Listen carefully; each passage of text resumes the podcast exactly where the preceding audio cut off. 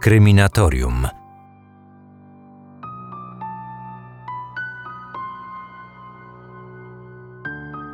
Późnym popołudniem 17 października 1938 roku do drzwi domu sołtysa wsi Kościuszków w obecnej części Kutna zapukał nieznajomy mężczyzna szukający noclegu.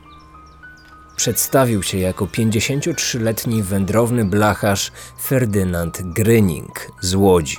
Chodził od domu do domu, za niewielką opłatą naprawiając ludziom garnki i patelnie. Sołtys nie miał u siebie miejsca dla niespodziewanego gościa, ale polecił mężczyźnie, by ten udał się do zagrody rolnika Antoniego po drugiej stronie osady. Wystawił mu nawet stosowny dokument gwarantujący otrzymanie noclegu.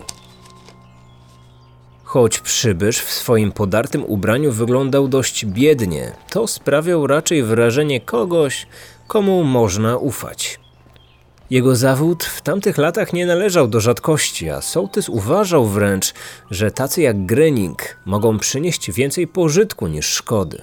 Zwłaszcza, że na wsi zawsze było sporo rzeczy do naprawienia. Tym bardziej, że blacharz drogo się nie cenił. Dużo za swoje usługi nie biorę, a jeśli kto strawą albo noclegiem odpłaci, dla mnie nawet więcej to warte niż jaki grosz. Tylko sołtysie drogi nie znam. Jakby mi kto za przewodnika posłużył, rad byłbym niezmiernie. Sołtys miał na prośbę Ferdynanda gotową odpowiedź. Akurat w jego domu przebywała dziewięcioletnia Władzia Bagrowska, którą rodzice wysłali po sołtysowe mleko. Dziewczynka mieszkała po sąsiedzku, więc ochoczo zgodziła się zaprowadzić przybysza do domu rolnika. Zanim oboje udali się w drogę, sołtys usłyszał jeszcze, jak Władzia oznajmiła blacharzowi, że jego matka także ma wiele garnków do naprawy. To ucieszyło nieznajomego mężczyznę. Około godziny siódmej wieczorem Gruning zgłosił się we wskazane miejsce. Poprosił rolnika o wodę do umycia rąk. Gospodarz zauważył wówczas, że mężczyzna ma zakrwawione dłonie.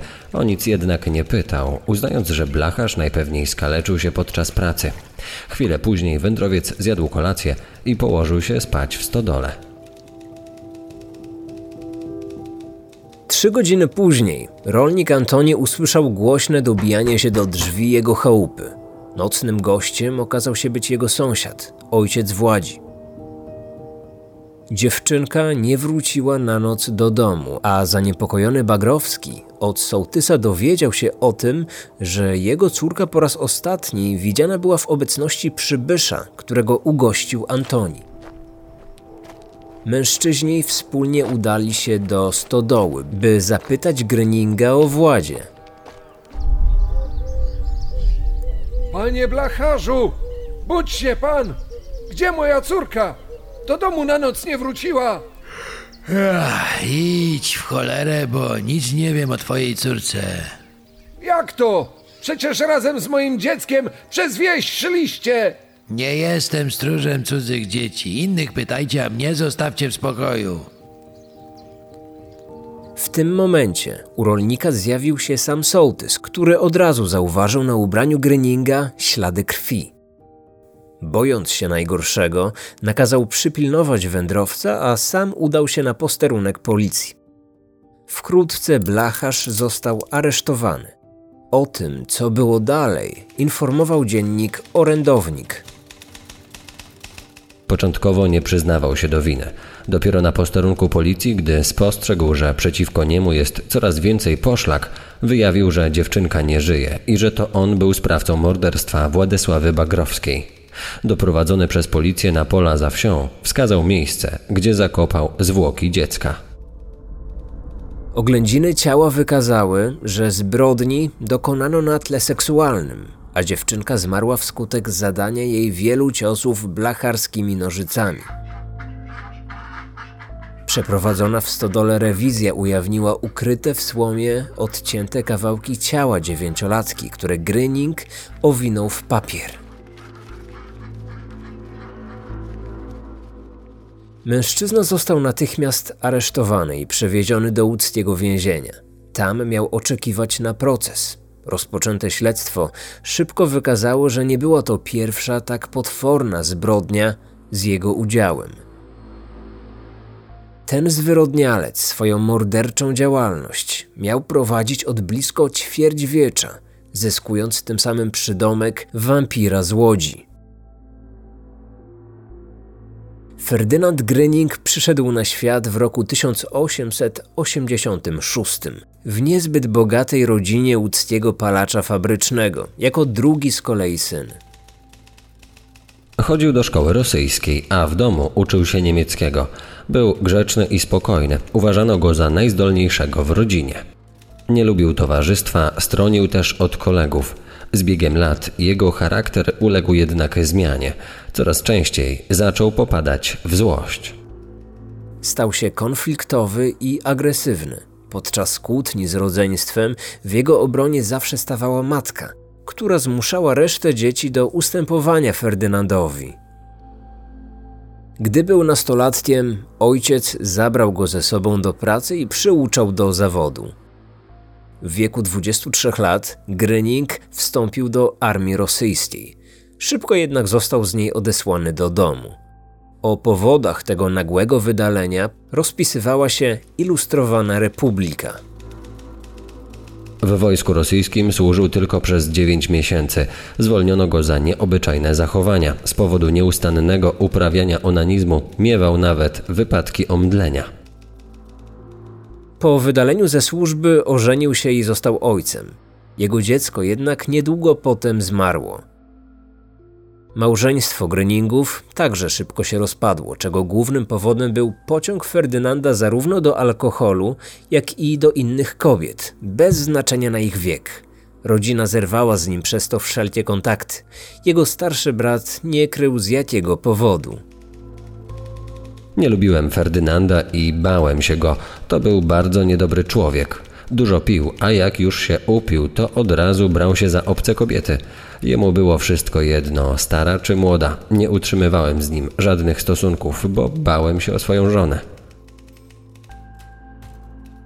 Z czasem jego obsesja na punkcie seksu przybrała na sile, a on sam czuł coraz większe zainteresowanie małymi dziećmi, dziewczynkami jak i chłopcami. Nieletnie ofiary nie były w stanie bronić się przed nim tak skutecznie, jak czyniły to osoby dorosłe. W roku 1914 został aresztowany i oskarżony o gwałt na sześcioletniej dziewczynce. Groziła mu bardzo surowa kara. Plany łódzkiej prokuratury pokrzyżował jednak wybuch I wojny światowej. Wskutek działań wojennych proces gwałciciela został odwołany, po czym Ferdynand zniknął bez śladu. Dopiero po 12 latach, już w niepodległej Polsce, jego nazwisko wróciło na pierwsze strony gazet. I jak się można było tego po nim spodziewać, nie był to powrót chwalebny.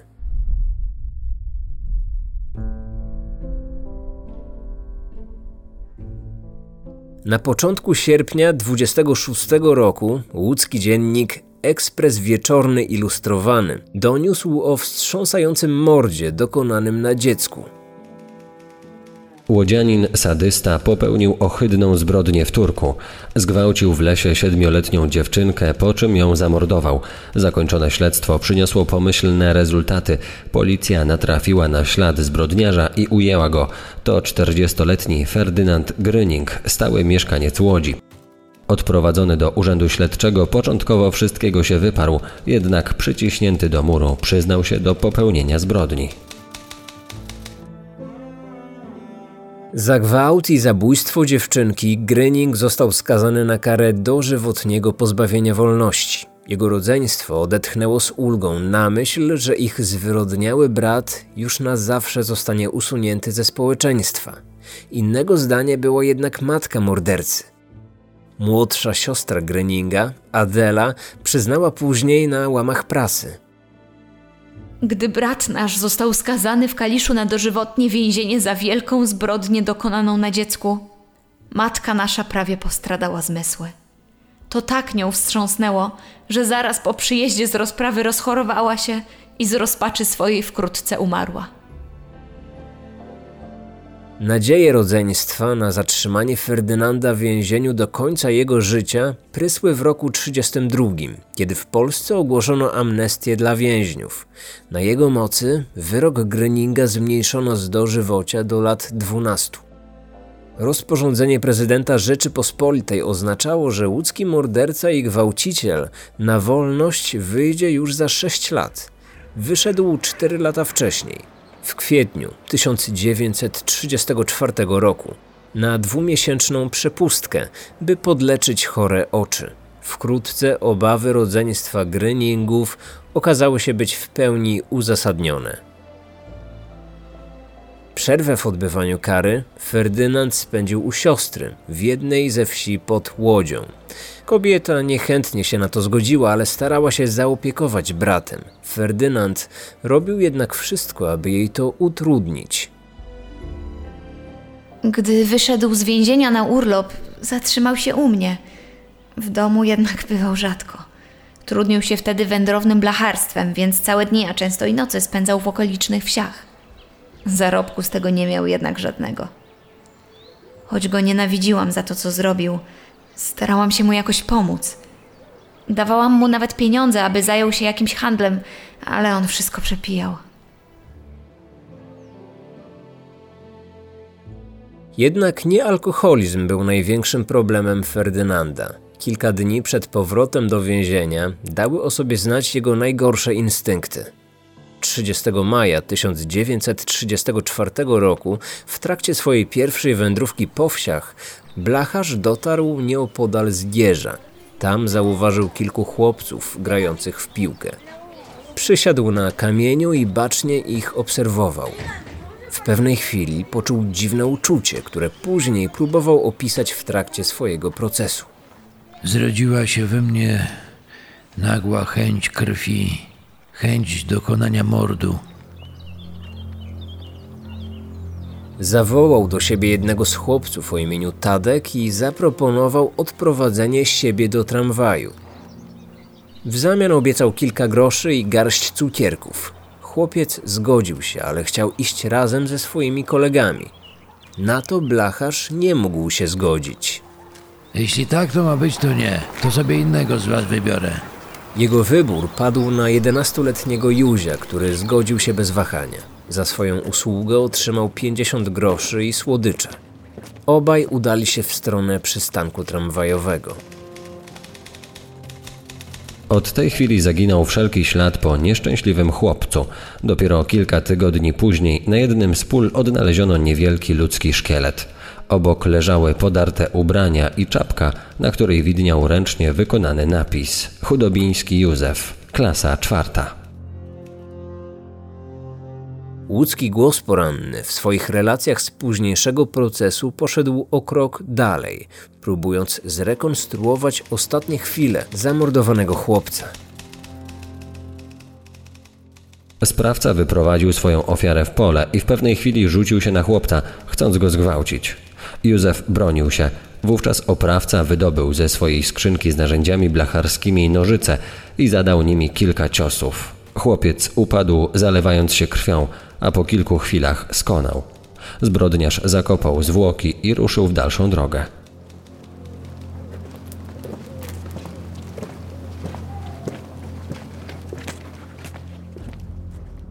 Kilka dni później Gryning wrócił do więzienia po tej dwumiesięcznej przerwie. Gdy zbrodnia pod Zgierzem wyszła na jaw, nikomu nie przyszło nawet do głowy, że sprawca tego bestialskiego mordu przebywał od jakiegoś czasu w swojej celi. Zwłaszcza, że miesiąc później katowicki dziennik 7 groszy poinformował o schwytaniu osoby podejrzanej o zamordowanie 11-latka spod Zgierza. Aresztowany w Ogrodzieńcu 34-letni Józef Sążeń na swoje nieszczęście także był wędrownym blacharzem, co odpowiadało zeznaniom chłopców, którzy widzieli, jak ich kolega odchodzi z nieznajomym. Czy mężczyzna później został oczyszczony z zarzutów? A może własną głową zapłacił za zbrodnię, której nie popełnił? Dziś już się tego niestety nie dowiemy. Ówczesna prasa skutecznie ten fakt przemilczała. Minęły kolejne cztery lata. Na wiosnę 1938 roku Ferdynand Gryning opuścił więzienie. Był teraz wolnym człowiekiem. Ten nowy etap w jego życiu rozpoczął tak, jak zakończył poprzedni. Zamordował 11-letnią dziewczynkę, której imienia nigdy nie udało się policji ustalić. Trzy miesiące później na swojej drodze spotkał dwie nieletnie siostry z Piotrkowa Trybunalskiego. Starszą z nich, ośmioletnią Lucynę Górę, poprosił o pomoc w odwiezieniu paczki pod wskazany przez niego adres. Trzy godziny później na zakrwawioną, ale wciąż żyjącą dziewczynkę natknął się Józef Stępień, mieszkaniec pobliskiej wsi. Dziecko miało wielką ranę na szyi. Gdy ośmiolatka odzyskała przytomność, potrafiła odpowiedzieć na pytania o swoje imię i miejsce zamieszkania. Nie pamiętała jednak, co się wydarzyło. Odwieziona do szpitala, powoli odzyskiwała pamięć. Ilustrowana Republika przytoczyła później wypowiedź policjanta prowadzącego śledztwo w sprawie napaści na dziewczynkę. W pierwszej chwili nie wiedziano jeszcze, że dziecko zostało również zgwałcone. Sądziliśmy tylko, że ktoś zadał jej cios w szyję. Dopiero następnego dnia, gdy zbadano ją w szpitalu, dowiedzieliśmy się o tym makabrycznym szczególe. Lucynka była bardzo słaba i przestraszona. Nie mogłem od niej wydobyć nic więcej, jak tylko to, że jakiś wujek, jak mówiła, wziął ją na rower i zawiózł w kierunku lasu. Tam zaprowadził ją na pole żyta, kazał jej zdjąć majteczki, a gdy nie chciała, rzucił się na nią i zaczął dusić. Nic więcej nie pamiętała. Poczuła jakiś cios i straciła przytomność. Policjantom nie udało się ustalić, kim był tajemniczy wujek, o którym wspominała ośmiolatka. Nie było nawet pewności, czy osoba, która wiozła dziewczynkę na rowerze i późniejszy gwałciciel, to ta sama osoba. Ośmiolatka raz twierdziła, że zaatakował ją mężczyzna z rowerem, innym razem była przekonana, że był to zupełnie ktoś inny. Przez ponad cztery kolejne miesiące Gryning pozostawał bezkarny. Krążył dalej pomiędzy wioskami, próbując zarobić na życie naprawianiem garnków. W chwilach wolnych od pracy dawał upust swym haniebnym rządzom – aż trafił do wsi Kościuszków pod Kutnem. Właśnie tam, 17 października 1938 roku, tuż po zabójstwie dziewięcioletniej Władzi Bagrowskiej, Ferdynand Gryning został aresztowany. Kryminatorium. Otwieramy akta tajemnic. Dopiero gdy policja przyjrzała się uważniej okolicznościom zbrodni w Kościuszkowie, zauważono uderzające podobieństwo do sprawy ośmioletniej Lucyny, o czym w jednej z gazet relacjonował prowadzący śledztwo funkcjonariusz. Gdy aresztowaliśmy Gruninga w związku z zamordowaniem Bagrowskiej, przyszło mi do głowy, że może to być ten sam osobnik. Okoliczności były podobne: zamiar zabójstwa i zgwałcenie. Na szczęście poprzednia ofiara przeżyła.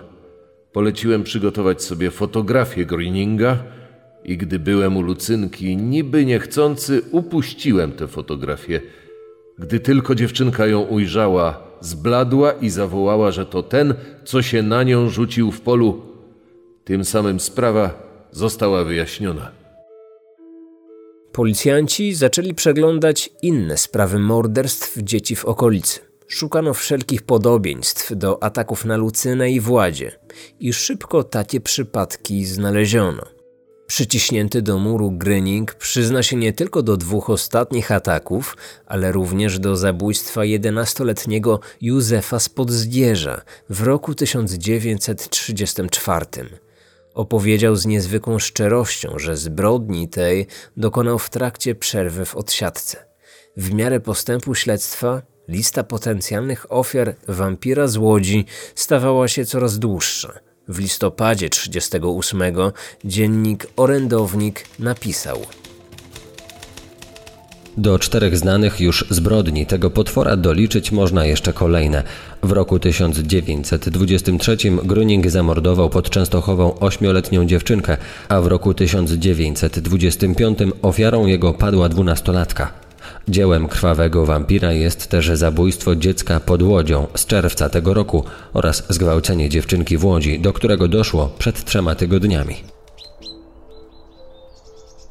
Kierujący śledztwem prokurator okręgowy dopisał do tej listy kolejne zbrodnie. W pierwszych dniach po odzyskaniu wolności Ferdynand zamordował jedenastolatkę, której zwłoki utopił w rzece. Tydzień przed dokonaniem swej ostatniej zbrodni z jego ręki życie straciła również 68-letnia bezdomna żebraczka z Kalisza. Kobieta ta okazała się być jego jedyną pełnoletnią ofiarą. Zdaniem prokuratora, Ferdynand odpowiedzialny był za 10 gwałtów, w tym 9 dokonanych na dzieciach oraz 9 morderstw i jednego usiłowania. Dowody pozwalały jednak oskarżyć wampira z Łodzi jedynie o te zbrodnie, do których sam się przyznał, czyli morderstwo dwóch nieletnich osób. 11-letniego Józefa z Podzgierza i 9-letniej Władysławy ze wsi Kościuszkowo, a także usiłowanie zabójstwa ośmiolatki z Piotrkowa. Akt oskarżenia obejmował także trzy gwałty ze szczególnym okrucieństwem, dokonane na wspomnianych wcześniej ofiarach. Ku wielkiemu zadowoleniu ówczesnej opinii publicznej, Ferdynandowi groziła za to kara śmierci. 28 lutego 1939 roku, w dniu rozpoczęcia procesu, w łódzkich dziennikach nastąpił prawdziwy wysyp artykułów poświęconych tej sprawie. Dziś przed sądem okręgowym w Łodzi staje potworny morderca, 53-letni Ferdynand Gröning, zwany wampirem Łodzi, który dopuścił się szeregu ohydnych, mrożących krew w żyłach zbrodni na tle seksualnym. Do wszystkich tych morderstw Gröning przyznał się w trakcie śledztwa i z całym cynizmem, jakby z lubością wspominając swoją krwawą przeszłość, opisał w najdrobniejszych szczegółach swe czyny. Przedstawia on typ zboczeńca o cechach sadystycznych, a żądza zabicia człowieka trawiła go już od dłuższego czasu. W trakcie przesłuchania dodał, że po wyjściu z więzienia w dalszym ciągu będzie mordował i gwałcił.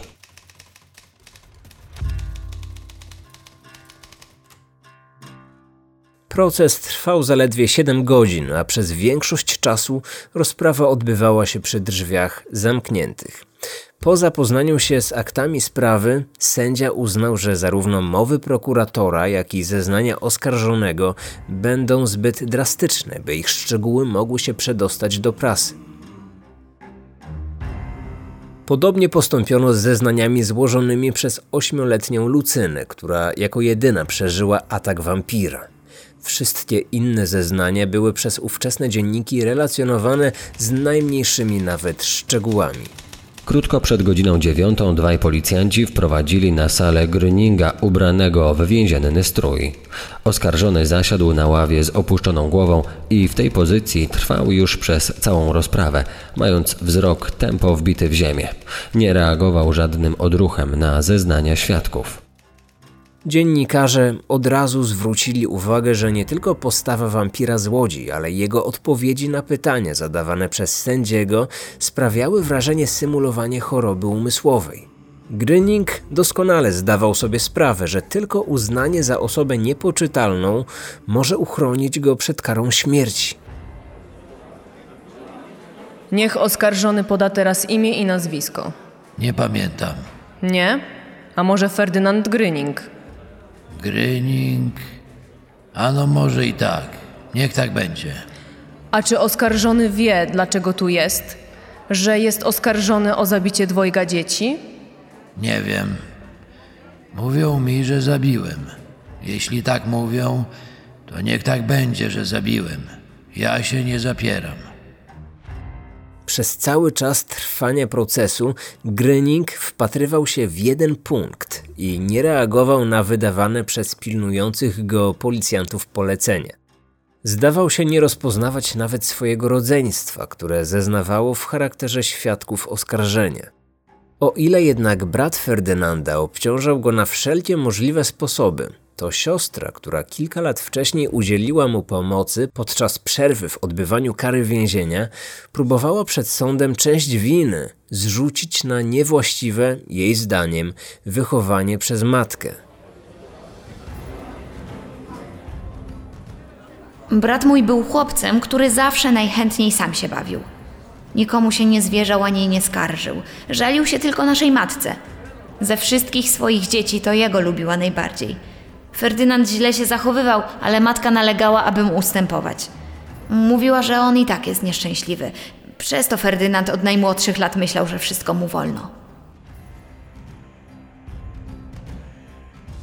Ferdynand na wszystkie pytania odpowiadał niechętnie, z dużym opóźnieniem. Zazwyczaj mówił, że niczego nie wie albo nie pamięta, co skrzętnie zanotowali dziennikarze relacjonujący proces.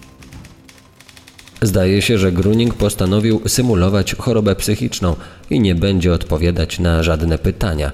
Udaje, że nie rozumie, co się do niego mówi. Jeśli rzeczywiście symuluje, robi to niezwykle zręcznie, bo istotnie sprawia wrażenie człowieka niespełna rozumu. Tylko czasami na pytania sędziego, czy przyznaje się do tego, co zeznali świadkowie, nie odrywając wzroku z podłogi, powtarzał jedną i tę samą formułę. Jeśli tak mówią, że to zrobiłem, to musiało tak być, że zrobiłem. Ja się nie zapieram. Wszyscy dziennikarze zgodnie podkreślali, że Ferdynand sprawiał w sądzie niesympatyczne wrażenie. Choć widać, że jest bardzo silny fizycznie, trzyma się jednak pochyło. Jest przygarbiony, jakby zmęczony. Czaszkę ma łysiejącą, wielce kwadratową. Zapadłe policzki i mocno wystające kości policzkowe. Oczy jego chowają się w głębokich oczodołach. Twarz o żółtej cerze poorana zmarszczkami. Wygląda na znacznie więcej niż jego 53 lata.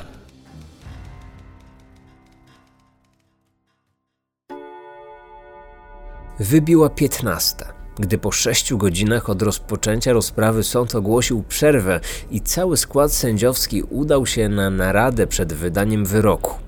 Na sali zapanowało wielkie poruszenie. Dziennikarze w pośpiechu skrzętnie notowali każde zapamiętane słowo. Publiczność z kolei nerwowo gestykulowała, próbując obrazowo wyrazić swoją opinię na temat wyroku, jaki ich zdaniem powinien zapaść. I tylko jedna osoba na sali wciąż zachowywała lodowaty spokój. Był to oczywiście Ferdynand Grynik, który cały czas siedział nieporuszony, ze wzrokiem wbitym w podłogę. Tak jakby zupełnie nie zdawał sobie sprawy, że już za chwilę sędzia zdecyduje o długości jego dalszego życia i według wszelkich wskazań, liczonego raczej w dniach niż w latach. Dokładnie godzinę później na sali numer jeden łódzkiego sądu okręgowego rozległ się dźwięk dzwonka. Tuż po tym, jak skład sędziowski zajął swoje miejsca, główny sędzia odczytał wyczekiwany przez wszystkich wyrok. W imieniu Rzeczypospolitej Polskiej sąd postanawia za każdą z tych zbrodni z osobna i za wszystkie trzy łącznie skazać oskarżonego na karę śmierci przez powieszenie oraz pozbawienie praw honorowych i obywatelskich na zawsze. Zarówno wśród zebranych na sali dziennikarzy, jak i publiczności zapanowała prawdziwa euforia. Ludzie bili brawo i wzajemnie sobie gratulowali. Wampir z łodzi nawet się nie poruszył. Przyjął ogłoszony wyrok zupełnie spokojnie. Ani na chwilę nie wypadł z roli, jaką sobie obrał podczas procesu. Spokojnym krokiem wyszedł z sali. Karetka pod silną eskortą odwiozła go do więzienia. Dalsze losy wampira są dziś niezwykle trudne do ustalenia, żeby nie powiedzieć niemożliwe. Pewny jest tylko jeden fakt, a mianowicie trzy miesiące po skazaniu na karę śmierci miała się odbyć rozprawa w łódzkim sądzie apelacyjnym. Nie doszło do niej, gdyż została odroczona na inny termin. Powodem tego była konieczność poddania mordercy ponownej obserwacji psychiatrycznej, o co wnioskował jego obrońca. Czy i kiedy odrzucona rozprawa się odbyła? Pewności nie ma. Przedwojenna prasa nie poświęciła temu wydarzeniu zbyt wiele uwagi. Kilkuzdaniowy artykuł w Ilustrowanej Republice stwierdził jedynie lakonicznie, że proces ma zostać przeniesiony z Łodzi do Warszawy. Nie wiadomo nawet, czy kiedykolwiek został wykonany zasądzony wyrok. Mariusz Gadomski z magazynu kryminalnego Reporter uważa, że wampir żył jeszcze na dwa tygodnie przed wybuchem II wojny światowej, a jego brat miał zostać skazany przez sąd za drobne kradzieże. Czy faktycznie tak było? Bardzo możliwe, ale inne źródła na ten temat milczą. Choć bestialskimi zbrodniami łódzkiego wampira i jego późniejszym procesem żyła cała przedwojenna Polska, dziś ten morderca jest raczej postacią zapomnianą. W czasie wojennej zawieruchy ludzie mieli znacznie poważniejsze problemy niż interesowanie się tym, czy Gryninga spotkała zasłużona kara. Natomiast już po wojnie grasować zaczęły w naszym kraju kolejne wampiry. Mordercy równie groźni i krwawi jak ten z Łodzi, a często nawet bardziej. Ferdynand ustąpił im miejsca, a sam, niezauważony, jak to miał często w zwyczaju, skrył się gdzieś w mroku historii.